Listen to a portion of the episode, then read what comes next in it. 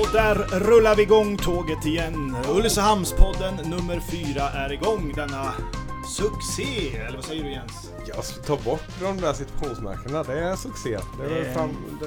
Det är en framgång Ja. redan nu. mm. Hej Rickard Skoglund! Hej Jens Norlander. Hej på er! Ehm, nu satt vi här för en vecka sedan och pratade högt och lågt och vi kom in på handeln i Ulricehamn. Ja. Det var du som tog upp den tråden. Ja, just det. Det är alltid spännande. Liksom, det är ju...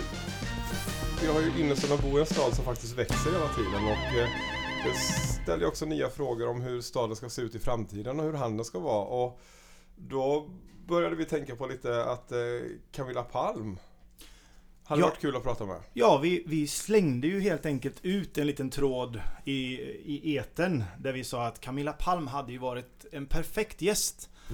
Och vem är det vi har hos oss idag? Mina damer och herrar, en liten applåd för Camilla Palm! Välkommen till våran podd! Tack så mycket. Ja, Camilla är ju alltså eh, VD på Näringslivs Ulricehamn som är Ja vad ska man säga, det kommunala utvecklingsbolaget eller vad kallar man det? Ja, det är, vi driver ju både utvecklingsfrågor i näringslivsfrågor men också destination och marknadsföring för Ulricehamn. Hur många har du eh, i teamet om man säger så? Du är VD och Mm. hur funkar själva strukturen i det där bolaget? Eh, Vi är ju ganska litet bolag, vi är ju bara sju personer. Eh, och då har vi egentligen nästan, man kan säga varje affärsområde är en person. Det är näringslivsutveckling och där jobbar ju då jag och vår näringslivsutvecklare Annika. Sen har vi landsbygdsutveckling där Lotta arbetar. Sen har vi turismen, den är Helena turistchef och Claes som jobbar i turistbyrån som turistkommunikatör. Och sen på marknadsdelen där är det ju också jag i och för sig då, men eh, även Johanna som jobbar med de frågorna. Och sen slutligen då så har vi ju en tjänst som jobbar med handelsutveckling och det är, har vi tillsammans med Cityföreningen och det är Linda Fritzson. Där har vi ett, eh, ett fint team tycker jag. Ja, är ett gäng. Eh, Om man börjar lite från början, hur, hur hamnade... Vad har du för bakgrund? Hur hamnade du på den, den positionen? Jag har ju jobbat eh, faktiskt på Näringsliv Ulricehamn ända sedan det bildades. Men Vilket år var det? 2009. Eh, Jag kom till Ulricehamn 2007 och hoppade in först som lite vikarie i, turist, på turistbyrån. För jag har en bakgrund inom turism och marknadsföring. Och, eh, Jag bara blir nyfiken på var kommer du ifrån? Du är inte härifrån alltså? nej, jag är inte härifrån. Jag är född i Göteborg men uppvuxen i Småland. Så att, Vart i Småland? Vriksta. Vriksta? Ja. Vriksta värdshus är det många som känner till. Det är en ganska stor konferensanläggning. Så jag jobbade som eh, turismutvecklare och turismansvarig i Sävsjö kommun då, tidigare. Så där har du en bakgrund. Men så sa du att Mm. du var i Göteborg några år också. Ja, jag är född i Göteborg men Ja. hade föräldrar som eh, min, min pappa jobbade inom husbranschen och eh, därifrån så hamnade vi i Vriksta då. Där är en riktig Ja. husmetropol. Jag är också född i Göteborg för övrigt bara. Så att alla vet det. Det är bra Jens. Mm. Så då, eh, då jobbade du i Vriksta och så fick du, eh, eller hur, hur kom det sig att ni hamnade i Ulricehamn? Fick du en tjänst eller var det av privata skäl? Eller hur, hur Ja, jag är en sån här kärleksinvandrare då. Så att jag träffade min man som är från Timmele. Så att eh, därav så hamnade jag i, så jag bor i Timmele fortfarande och eh, fick, eh, hamnade faktiskt först i Tranemo kommun och jobbade som eh, turism och landsbygdsutvecklare där och sen så fick jag tjänst här i Ulricehamn. Då. Ja, och, och då tänker jag så här, vad, vad har du, du har ju lite utanför perspektiv på Ulricehamn då. Mm. Om du ser, om vi börjar med, du sa 2007, Mm. eh, hur du såg på Ulricehamn när du kom då. Eh, och Timmele och, och, och sen utvecklingen eh, från den tiden till den tiden vi sitter i här just nu. Ja, alltså jag blev ju väldigt överraskad som många andra att eh, hur vackert det är i Ulricehamn. Eh, jag hade inte varit i Ulricehamn tidigare mer än att stanna till kanske någon enstaka gång på väg till Göteborg som många andra också. Eh, men eh, fastnade jättefort för både staden och även för Timmele som är en fantastiskt trevligt samhälle att bo i. Eh, och ja, det kändes väldigt bra med en gång.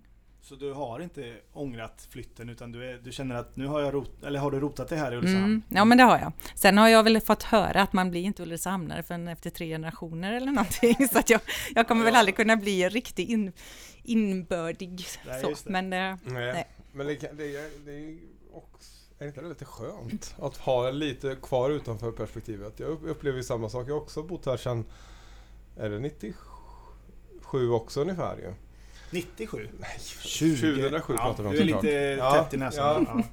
Eh, och det är ju ändå skönt, alltså för jag tycker fortfarande att man, att man liksom Genom att man har bott på andra ställen så ser man fortfarande hur fint det är på ett sätt som inte alla andra gör, upplever jag lite grann. Ja, jo men jag tror att det är ganska bra. Sen är det ju en fördel att bo här nu, om man ser det så, att man bor nära i och upplever hela samhället så. Och, eh, men jag tror också att det är jättebra att ha ett litet utifrån perspektiv och man ser det på ett annat sätt. Och, jag är nyfiken på det där med 2007 till, eh, till nu då. Ja. Eh, för du, du tillträdde tjänsten 2007 sa du också. Har jag rätt där? Ja, jag började på turistbyrån där och sen så ja. blev jag turistchef 2008 som jag var fram till 2016. Okej. Okay. Och då eh, den lilla resan där rent turistmässigt då och mm. stadsmässigt rent professionellt med det ögat. Hur ser du på utvecklingen där? Jag ser att det har hänt otroligt mycket. Och framförallt så ser jag att vi har eh, arbetat med vintern på ett helt annat sätt under de åren och där har ju skett en ganska stor utveckling. Och eh, jag vet, nu var det ett tag sedan, men när jag kollade på just gästnätstatistiken, att se hur mycket folk som bor i Ulricehamn och övernattar och så, så har ju den gått ganska stadigt uppåt under de åren. Så att det känns som att också det har blivit en utveckling, att det har blivit en mer eh, besöksvänlig stad och att man känner att det händer mycket. Och jag tycker det hände väldigt mycket i centrum de första åren när jag kom hit. Bland annat som Jens säger, och Bar Prego öppnade väl ungefär i det skedet. Och det, ja, det är positiv, väldigt positiv utveckling och nere vid sjön händer det också jättemycket. Kallbadhuset kom ju till ungefär då och sen efter det så har Ulrikaparken kommit till. Och, ja, så det är en fantastisk utveckling. Ja, och verkligen. Och ehm, de positiva vibbarna som, som vi har tagit del utav, som vi har pratat lite grann innan om i podden här också, så vackert som Ulricehamn mm. är. Och sen kom motorvägen till också. Och eh, många har ju verkligen tänkt att det, det exploaterar ännu mer. Och hur ser du då på vi är här nu och så tar vi det, vi tar ett tioårsperspektiv fram vad har ni för visioner och mål att kunna utveckla ännu mer? För vi vet att staden den fortsätter ju att växa och det byggs nytt och så vidare. Mm. Och jag tror att det kommer ske jättemycket och vi har ju en tanke där att se Ulricehamn som småstaden på världskartan och det tycker jag ändå är viktigt att vi ser oss som en liten stad. Vi ska inte bli något jättestort men vi mår nog bra av att bli större än vad vi är idag. Eh, och eh, där tror jag vi behöver se att vi behöver vissa områden som behöver utvecklas. Vi ser ju att vi har eh, en boende att det är svårt att få tag i bostäder och de här bitarna så att vi behöver utveckla oss och ta hand om de som vill komma till oss och också för att få en levande stadskärna så behöver vi ju ha lite fler människor tror jag som mm. har möjlighet att handla Absolut. i stan. Mm. Och man måste ju liksom, alltså alternativet till till, till, alltså till att växa blir väl lite att avvecklas också som man brukar säga liksom att det, det, vi har ju en positiv befolkningskurva och den bör vi ju behålla. Ja, vi har ju ökat med tusen personer de sista tre åren och det är mm. ju fantastiskt bra. Eh, men jag tror att eh, under de närmsta åren så kommer det komma till också fler bostäder vilket gör att vi kan ta emot fler personer som vill bo och verka här i Ulricehamn. Och då kommer vi alldeles sökt in på eh, den frågan du Jens tog upp i, i förra veckan där då. Eh, en viktig fråga som vi pratade mycket om här då, det var ju det här med eh, gågatan och, och kontra det med att det eventuellt är på gång. Vi vet inte så mycket om detta och det är därför det är så spännande att ha dig som gäst idag. Eh, tankarna kring eh, stor, storhandeln eh, kontra eh, småhandeln, alltså gågatan kontra eh, de stora butikerna som eventuellt är på gång. Mm. Vad, vad ligger i kikaren där? Det är ju viktigt att se att det är ju inget externt köpcentrum som man tänker sig, utan det är ju volymhandel. Och volymhandel kan man se att det är sånt som man behöver ha en bil för att få med sig. Eh, det är bygghandel kanske, liksom större delar, det kan vara bilhandel eller något, någonting annat. Och eh, det som får möjlighet eller ska kunna vara inom stadskärnan inne på gågatan, det ska ju vara här. Så att det är viktigt att se att den ska inte konkurrera utan mer tanken att, och det har man sett i undersökningar som faktiskt kommunen har gått igenom nu och tittat på inför det här beslutet de har tagit, är ju att eh, skulle... Förlåt, jag, jag bara hugger in på ah, det beslutet de ah, har tagit. Vad var I kommunstyrelsen ah. i har de ju bestämt att gå vidare och titta på det här området och att detaljplanera för att det ska kunna finnas volymhandel då på Rönnåsen 2 som man kallar det då. Mm. Men det betyder alltså att man har fattat beslut om att man ska inte säga nej utan fundera ett tag till egentligen? Eller vad är det som Susan... Nej, man måste ju... Jag bara tänker, kommer det... Jaha, nej förlåt. Ja, vad, är det, vad innebär ett sånt beslut? För det är sånt där man inte riktigt förstår alla gånger. Jag tror inte alla som lyssnar man tänker sig, ja, nu har de, har de fattat beslutet att det ska byggas eller att det inte ska, eller att det ska undersökas eller vad är det som man, händer? Eh, man har fattat beslut i att eh, kommunstyrelsen tycker att man ska lämna vidare till kommunfullmäktige att titta på möjligheten att bygga när man gör en detaljplan, heter det ju då, som styr vad man får bygga på olika platser. Och det är ju för att det inte ska bli en, kanske en farlig industri mitt i ett bostadsområde. Mm. Eh, och då behöver man styra upp, liksom i, då har man vissa bokstäver och då får man inte lägga en handel i ett rent industriområde så som vi har det idag till exempel på Rönnåsen. Mm. Eh, och då har man ju planerat nu att vi ska bygga ut Rönnåsen ytterligare lite mot Jönköping och i den detaljplanen då öppnar man upp för att där ska man kunna ha en annan typ av verksamhet än just ren industri. Så det är det beslutet ja, det. som är taget så nu. Det, det, kan kombineras eventuellt med fler industrier ja. där också då. Men det finns i planen att det också kan tillkomma handel. Ja. Men då är jag också nyfiken på det där med eh, där man kan ta med sig en bil.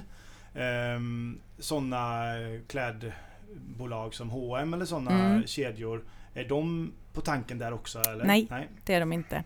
Utan det ska var i så fall just det de här större delarna, liksom som en, en bilhandel till exempel. Nu kan man inte ta med en bil i en bil, men, ja, ja. men eh, i alla fall om man tänker ja. en större del då. Utan skulle det finnas ett intresse för H&M till exempel, mm. vilket eh, de går ju ofta på olika parametrar, till exempel hur många som bor i en stad. Eh, och där skulle vi ju i så fall hellre se att en sådan butik etablerar sig inne i stadskärnan såklart. Mm. För visst finns det en utredning som gjordes för några år sedan som sa, alltså just ha, eh, klädhandel eller vad det heter på fackspråk, men, men kläder finns ju mycket i Ulricehamns kommun i och med att vi har Gällstad och sådär. Mm. Och så att det var väl en, jag har för mig att den här handelsutredningen som gjordes för några år sedan kom fram till att just klädhandel var något som vi ska vara försiktiga med om man så säger. Mm. Att, och fortsätta etablera och framförallt om vi ska etablera så ska det göras då kanske i Gällsta eller på ja, centrum, gågatan i princip mm. då som ju är centrumet. Liksom. Men eh, jag kommer inte ihåg detaljerna riktigt. Om ska men, men, men, att eh, det, där fanns det en överrepresentation redan och medan annat eh, eh fanns det lite för lite av mm. egentligen med elektronik och, och, lite annat som, som, som och det är inte liksom lite det här, alltså det, så som diskussionen går för, i media och, och bland eh, liksom vanligt folk så är det väl lite så här, ja men om vi får nya saker som, även om de inte ligger i centrum, så kanske så stannar folk i kommunen. Om man tar diskussionen som var innan ICA Maxi byggdes, så var det väldigt mycket så här, ja men då är det bra, då stannar folk i kommunen istället för att åka till Borås och handla. Och så är det, så, så är det större chans att kommunen lever helt enkelt. Mm. Jo men vi får ju titta, man får ju titta på alla etableringar ur ett helhetsperspektiv när man får frågan. Eh, sen är det väl det också att vissa kanske man inte får frågan ifrån utan man behöver liksom arbeta aktivt och det är ju väldigt olika vad de ställer själva för krav på de här, från de här företagen. Man kan ju ha en önskelista om vad man skulle vilja ha hit. Då. Mm. Sen får vi vara medvetna om att handeln, eh, vi gjorde den här utredningen för några år sedan, att det händer ju så otroligt mycket och snabbt och framförallt inom e-handeln. Den största tillväxten inom handel är ju nästan helt och hållet inom e-handeln.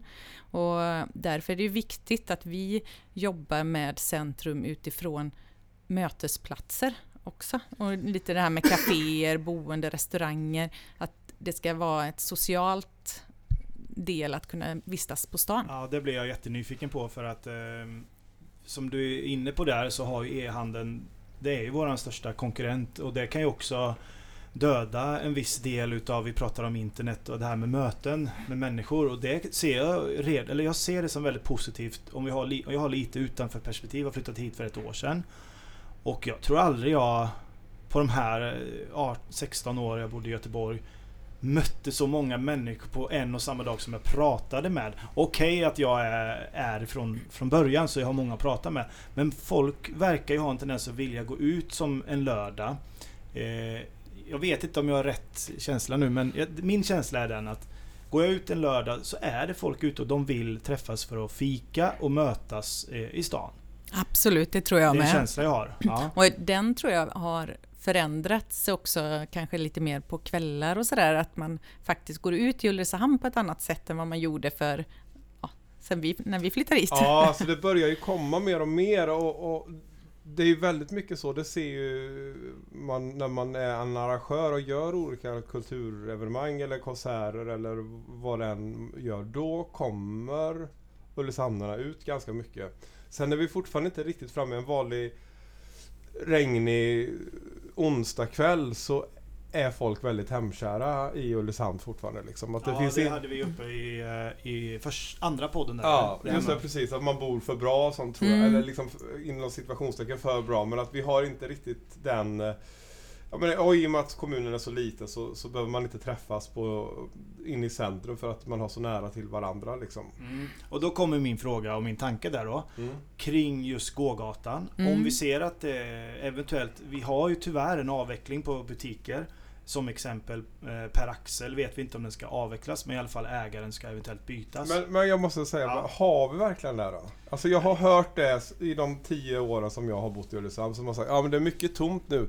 Men ja. det är för fan alltid mycket tomt. Det är tomt på, på Avenyn så lovar jag att det finns fem tomma lokaler för de ja, håller på att renovera. Ja men du märker dem inte så tydligt i alla fall. Men möjligtvis har du rätt. Men ja, absolut. Men, ja, men... Alltså inte, jag säger inte att det är o, inte utan kris. Eller det kanske Nej. finns en alltså det, det, behövs verkligen värnas om. Jag tror att många har det tufft. Men jag, jag, jag, jag jag, har hört sam, jag tycker det är samma tjat alltid liksom, att det är mm. mycket mm. tomt nu. Och då har vi ju Camilla här som ja. eventuellt har en plan. Eventuellt, vi vet inte men...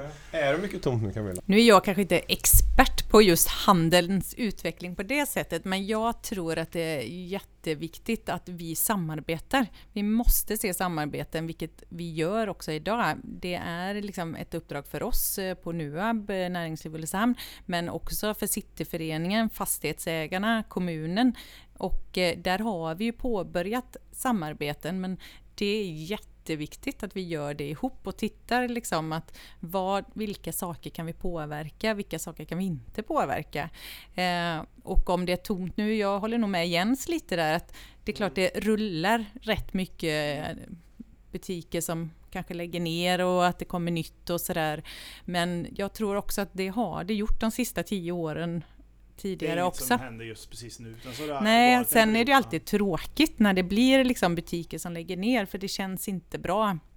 Men eh, det har ju hänt tidigare också och det har utvecklat att det kommit nya butiker som har varit kvar sen eller kaféer eller restauranger och sådär. Så och det har ju eh, kommit två etableringar som, av lite större då, tänker jag Kappahl och Lindex. Mm. Större kedjor. Hur ser ni på den? Har de ätit upp några mindre eller har de kompletterat? Det har jag faktiskt svårt, det har jag ingen eh, fakta i eller så, men eh, ser man som en vanlig konsument så, så för min del så kompletterar det liksom det andra utbudet. Men rent fakta ifrån butikerna så har, kan, jag, kan jag inte säga det. Nej. Och då kommer nästa nyfikna fråga där. Du nämnde ju bara att de Eh, så man kan ta med sig en, saker man kan ta med sig en bil på Rönnåsen. Eh, är det några specifika frågor ni har fått från något specifikt eh, företag? Vill du säga det? Ja, ja, men jag kan säga vi har ju jag kan inte säga alla, men vi har flera förfrågningar på, på butiker utifrån som vill komma och etablera sig i Ulricehamn och det har även varit en del förfrågningar från eh, kanske närområdet där man kan tänka sig att liksom utvecklas på Rönnåsen 2 då. Eh, och sen eh, det som jag kan nämna är ju Byggmax, för de har ju varit offentliga i tidningen och sagt att de letar efter en plats för redan ett par år sedan. Och, ja, det var en tävling. Ja, hittelön och... Ja, ja, precis. Mm.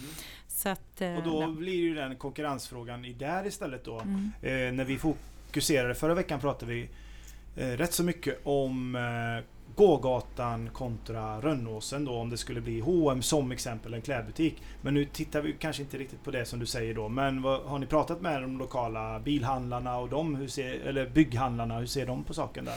Ja, vi pratar ju med de lokala företagen och tittar utifrån deras utvecklingsperspektiv och deras lokalbehov och de delarna tittar vi ju på absolut.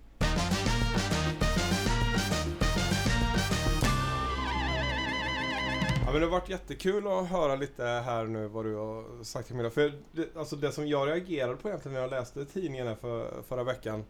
Det var ju vad heter det, eh, att ja, om man tittar på att när, när vi tittar i en broschyr om Ulricehamn eller eh, när vi ska marknadsföra Ulricehamn så är det ju samma bilder som återkommer väldigt mycket med kallbadhuset och så är det lite, någon skidåkare på Lassalyckan och så är det ju stan liksom. För att den är ju jävligt häftig och snygg. Med, med närheten till sjön och det är faktiskt ganska väldigt livskraftiga centrumet vi har jämfört med många andra städer i samma storlek. Och det är ju bara så himla... Det, vi vet ju alla om att det är det vi vill, vi vill visa upp och det är det som får folk intresserade av att flytta hit liksom. Ja, och det, det är absolut och det ska vi värna om. Det är ju jätteviktigt. Och det, ja, det, tänker jag, det, tänker jag, det kan vara lite... Alltså jag har ju varit engagerad tidigare i, i Cityföreningen och liksom det, man inser ju snabbt att när man jobbar här i centrum, det är många aktörer, det är många små handlare, det är kommunen, det är många fastighetsägare. Det är ju inte helt lätt att ha en gemensam stark vision liksom. Som jag kan, ja ja, det, det hade varit bra att ha det tror jag. Ja, och, jo, men det, och jag tror att vi är på gång och tittar. Jag vet ju nu att Cityföreningen har ju dragit igång bland annat en affärsskola eh, ja. med eh, flera av butikerna och det är att man, man jobbar gemensamt och man tittar liksom på nya sätt och sen att vi tillsammans eh, med eh, fastighetsägarna och Cityföreningen också ska jobba för liksom titta på en utvecklingsplan för centrum och det ska vi göra under året här nu med. Och det, jag tror att det är jätteviktigt att vi faktiskt har det, även att det inte är enkelt att få en gemensam bild, men något sätt en riktning i vad vi ja, vill. Ja, det låter jätteintressant och det, ja, jag tror att det är skitviktigt att man får ett gemensamt mål. Och, mm, även om man inte köper 100% av det så, så tror jag att helheten blir nog bättre av det ändå. Det här får mig att tänka på spännande saker. Vi har ju vissa arrangemang som lockar väldigt mycket publik. Eh, då tänker jag på Uport och så tänker jag på världskuppen. Mm. Eh, och det är vi också inne och nosar på för er som är nyfikna på den spaningen i podd nummer två om världskuppen. Där vi har 60 000 besökare under två dagar. Och eh, vi upplevde ju för alla här i stan egentligen att eh, förra året, eller för förra året så eh, var man på Lassalyckan och så var ju den här logistiken var ju unikt bra skött. Eh, vilket gjorde att man parkerade en bil Um, i, utan, lite utanför stan och så kom det en buss och hämtade upp uh, och så åkte man till arenan, upplevde eventet och fick bussen direkt vidare till bilen och åkte, åkte hem därefter då. Um, har du tankar kring detta? För det som hände var ju att stadskärnan faktiskt var, enligt dig igen så var det den sämsta försäljningshelgen vi... Ha, någon... Ja, för mig är det den sämsta helgen sedan jag öppnade faktiskt. Ja, och då... Lite komiskt. Att det är som ja. aldrig varit så mycket folk i, i, kommunen men det, ja, de var verkligen inte i centrum. Nej, och där, där jag tänker på Lillehammer. Ehm, eh, OS var ju i Lillehammer. Och Det var ett, ett, en kokande gryta även i stan. Där det var musik, det var eh, pubbar och restauranger öppna. Och det var fullt i, säg, ja, i flera dagar i sträck och sådär.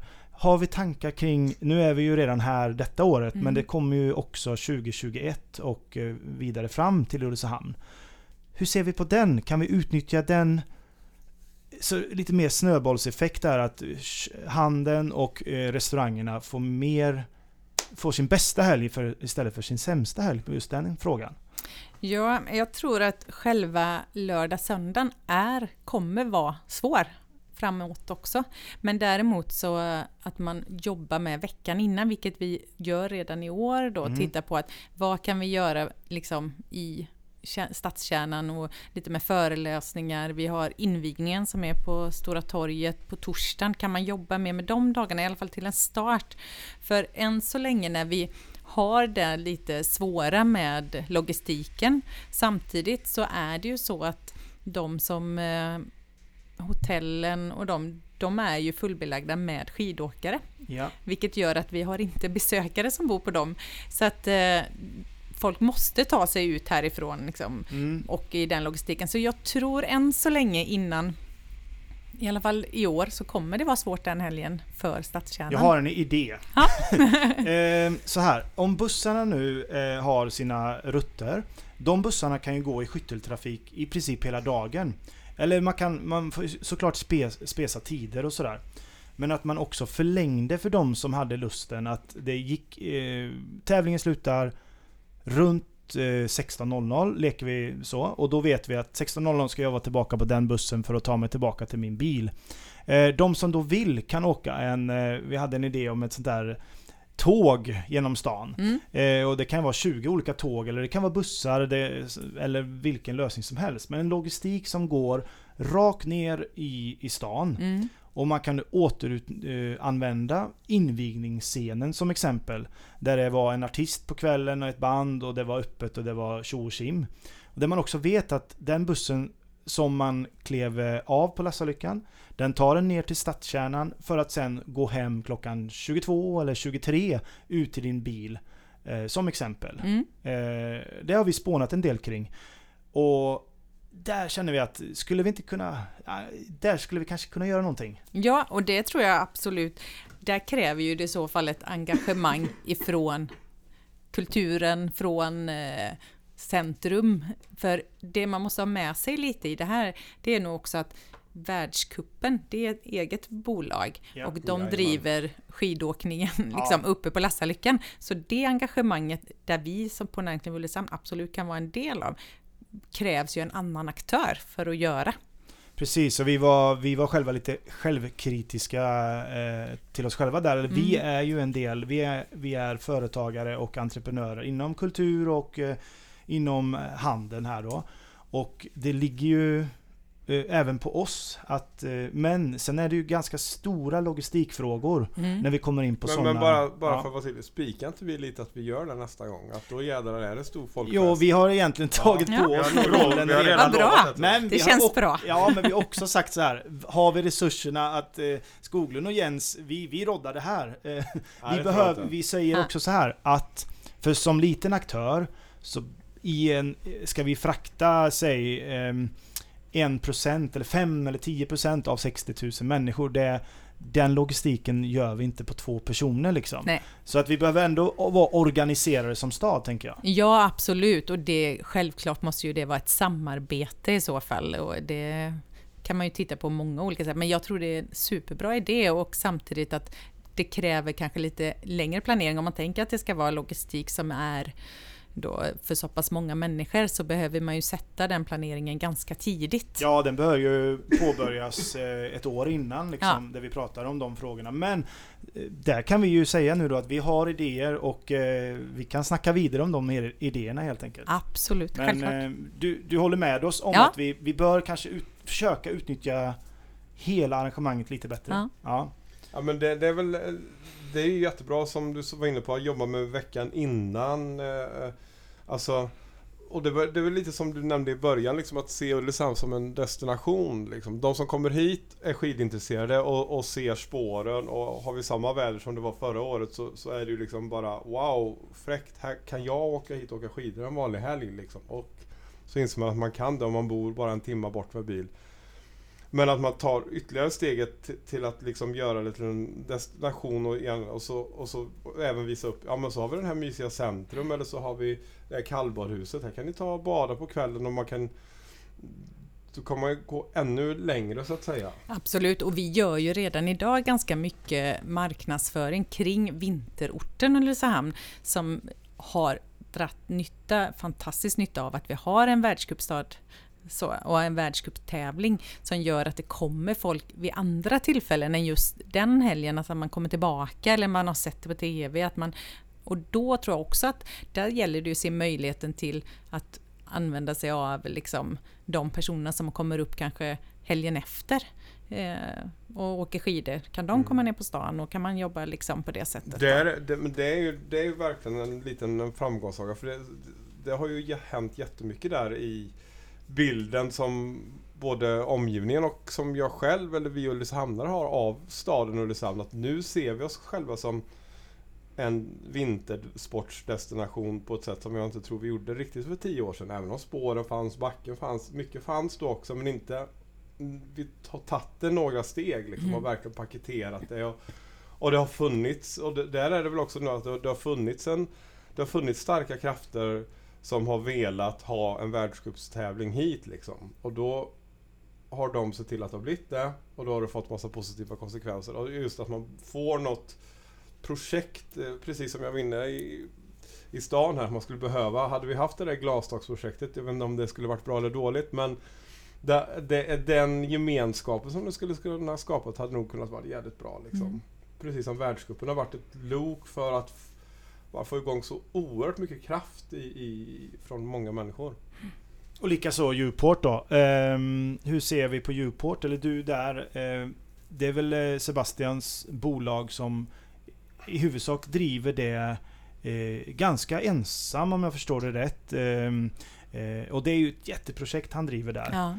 det är ju risk att det inte orkas med till kommande sommar. Det vet vi inget om än riktigt om vi ser lite större perspektivet. Vi har även Diggiloo som har varit här och mm. besökt. Eh, nu pratar vi sommar kontra vinter då.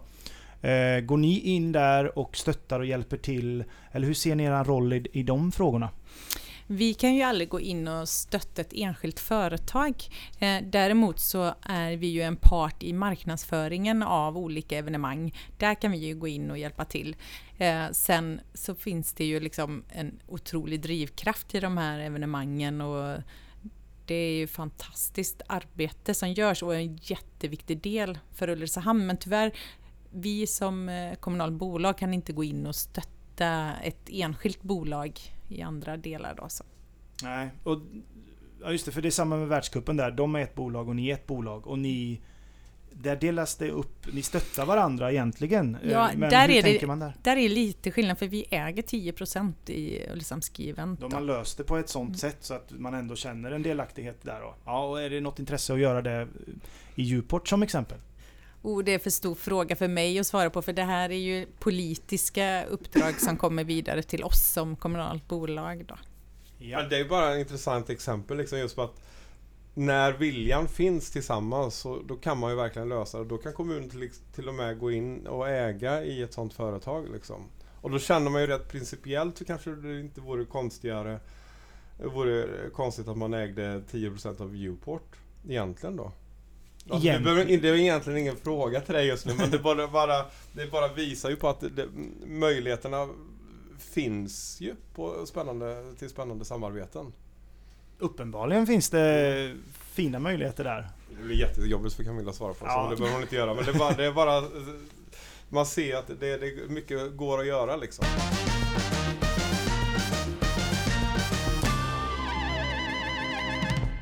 Yes, vi sitter här off the record och diskuterar lite nu och eh, pratar om frågan varför ska man flytta till Ulricehamn? Och det finns ju såklart många goda skäl till det.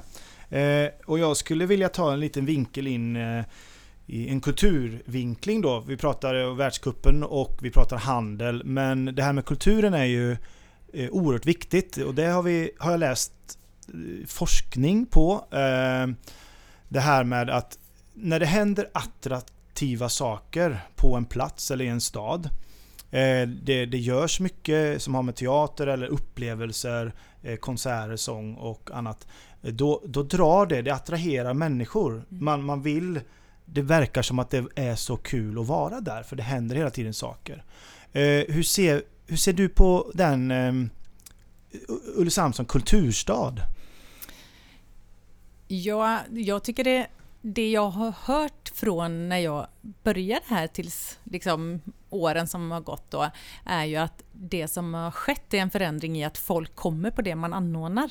Vilket är fantastiskt roligt tycker jag. Jag hörde mycket i början där, ja men det kommer ingen om man ordnar någonting. Men där tycker jag jag har sett en stor förändring i evenemangsutbudet och att folk faktiskt kommer när man arrangera någonting. Så det tyder på att det finns ett stort intresse för att eh, komma på kulturevenemang. Ja, ja. Mm. och det... Vi jobbar ju med detta och, och, vi kan faktiskt se det också lite grann bara på några få år tillbaka. Att, eh, att det, det är lite den tendensen. Skulle vi kunna lägga in ännu ett, en, en kolbit i den, eh, i den effekten, evenemangseffekten där har vi några strategier, några planer och då är jag inne på det här lite större än eh, om vi ser oss som lite mindre aktörer mm. och ser dig som lite större aktör i mm. stan. Mm. hur skulle vi kunna, de större aktörerna, har vi några tankar där? Hur skulle vi kunna marknadsföra och hjälpa till med det? Ja, absolut kan vi göra det och där kräver det ju att man, om man har ett liksom evenemang eller att man kommer till oss med någonting. För vi är ju ingen som skapar själva evenemanget hos oss. Däremot så kan ju vi vara med och hjälpa till att lyfta det och att se till att hur jobbar vi med det rent praktiskt och vad är det för liksom, saker man behöver för att komma igenom så att man hamnar i att evenemanget blir av. Där kan ju vi vara med och hjälpa till men själva idén behöver ju komma från en entreprenör eller någon förening eller någonting.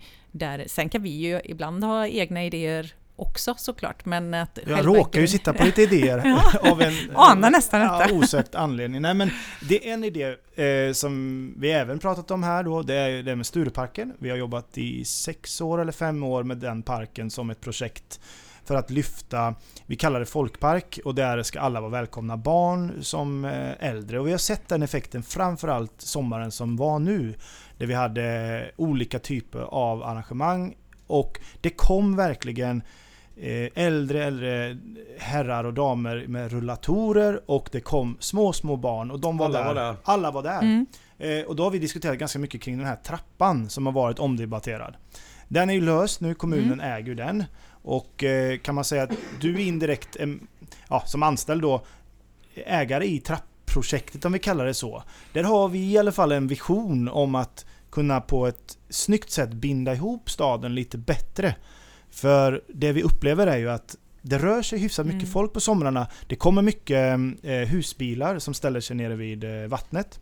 Och sen strosar de runt där nere. Men de får, återigen då, är vi inne på centrumkärnan. Eh, de får inte riktigt eh, eller vi får inte riktigt känslan, hur tar vi oss till fots enkelt, smidigt, snabbt och att man vill, vill se något mm. annat. Och vi har en eh, vision om den där trappan, att göra en snygg estrad där Stureparken och... Vet du vad estrad betyder? Nej, det, ja men det är en vacker eh, gång eller... Eh, ja, okay, ja, det är bra, det är bra.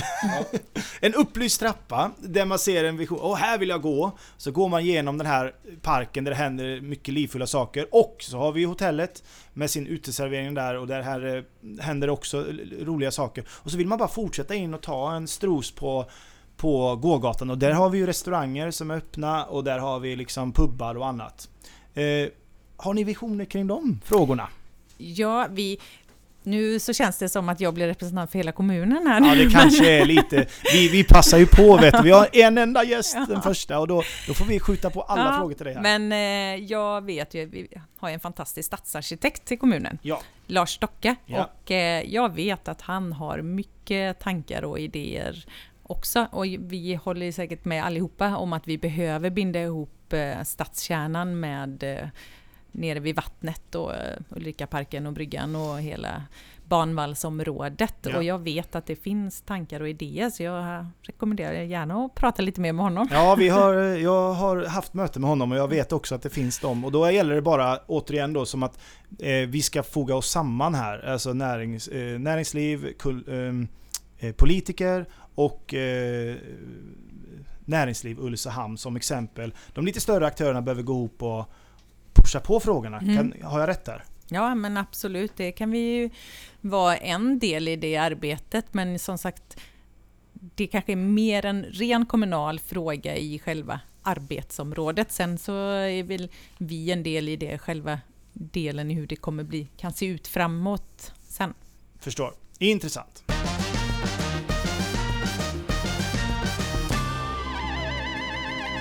Vi har ju haft en, eh, en härlig 45 eh, minuter nästan med Camilla.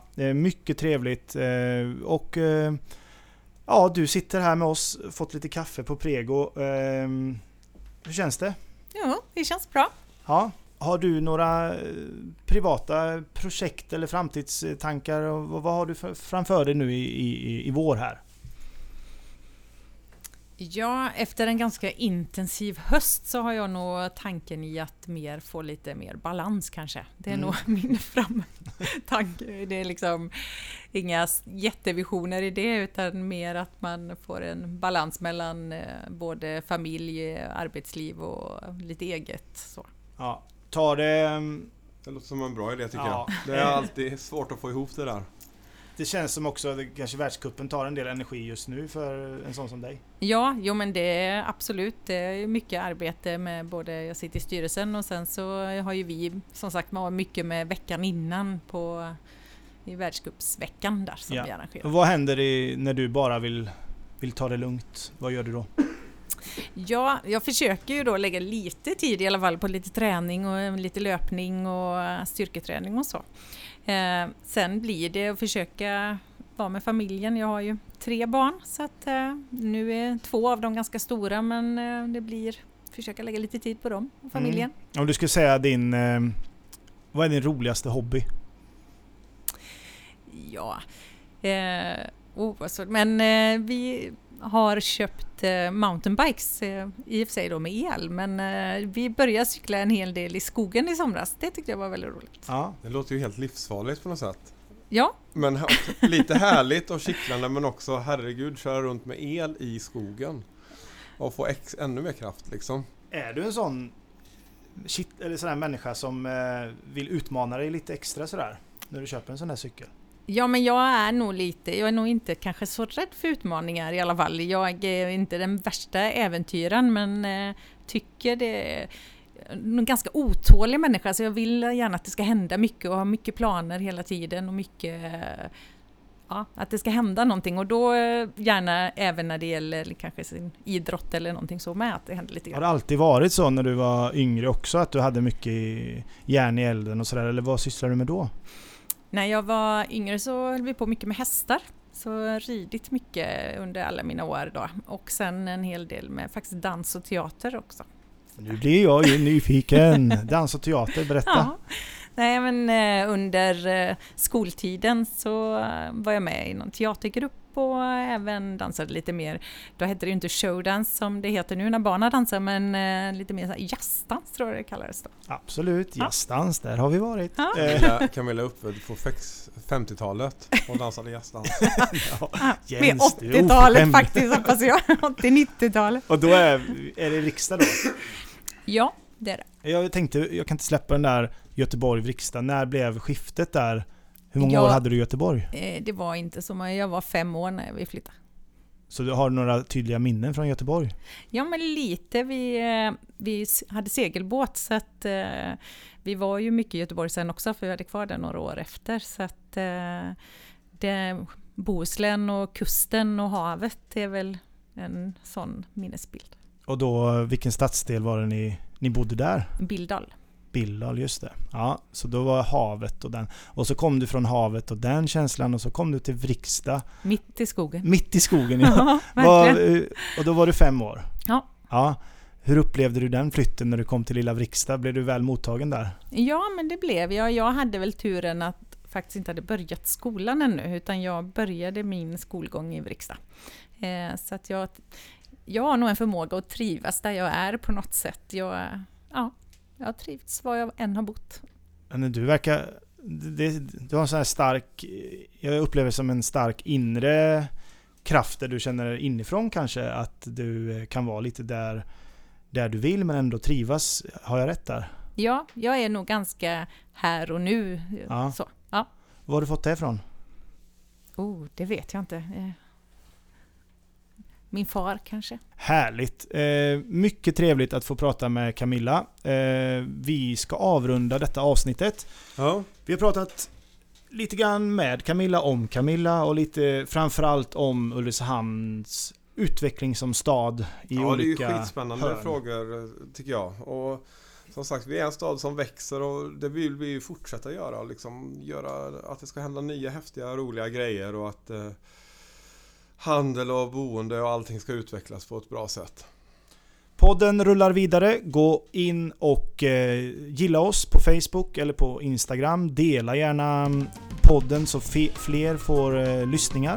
Eh, och Precis. vi tackar än en gång Rickard Mörtsell för denna härliga catchiga jingel vi har. Välkommen tillbaka nästa vecka. Då kör vi podd nummer fem. Hej då! Hej då, hej då! Camilla. Hej då!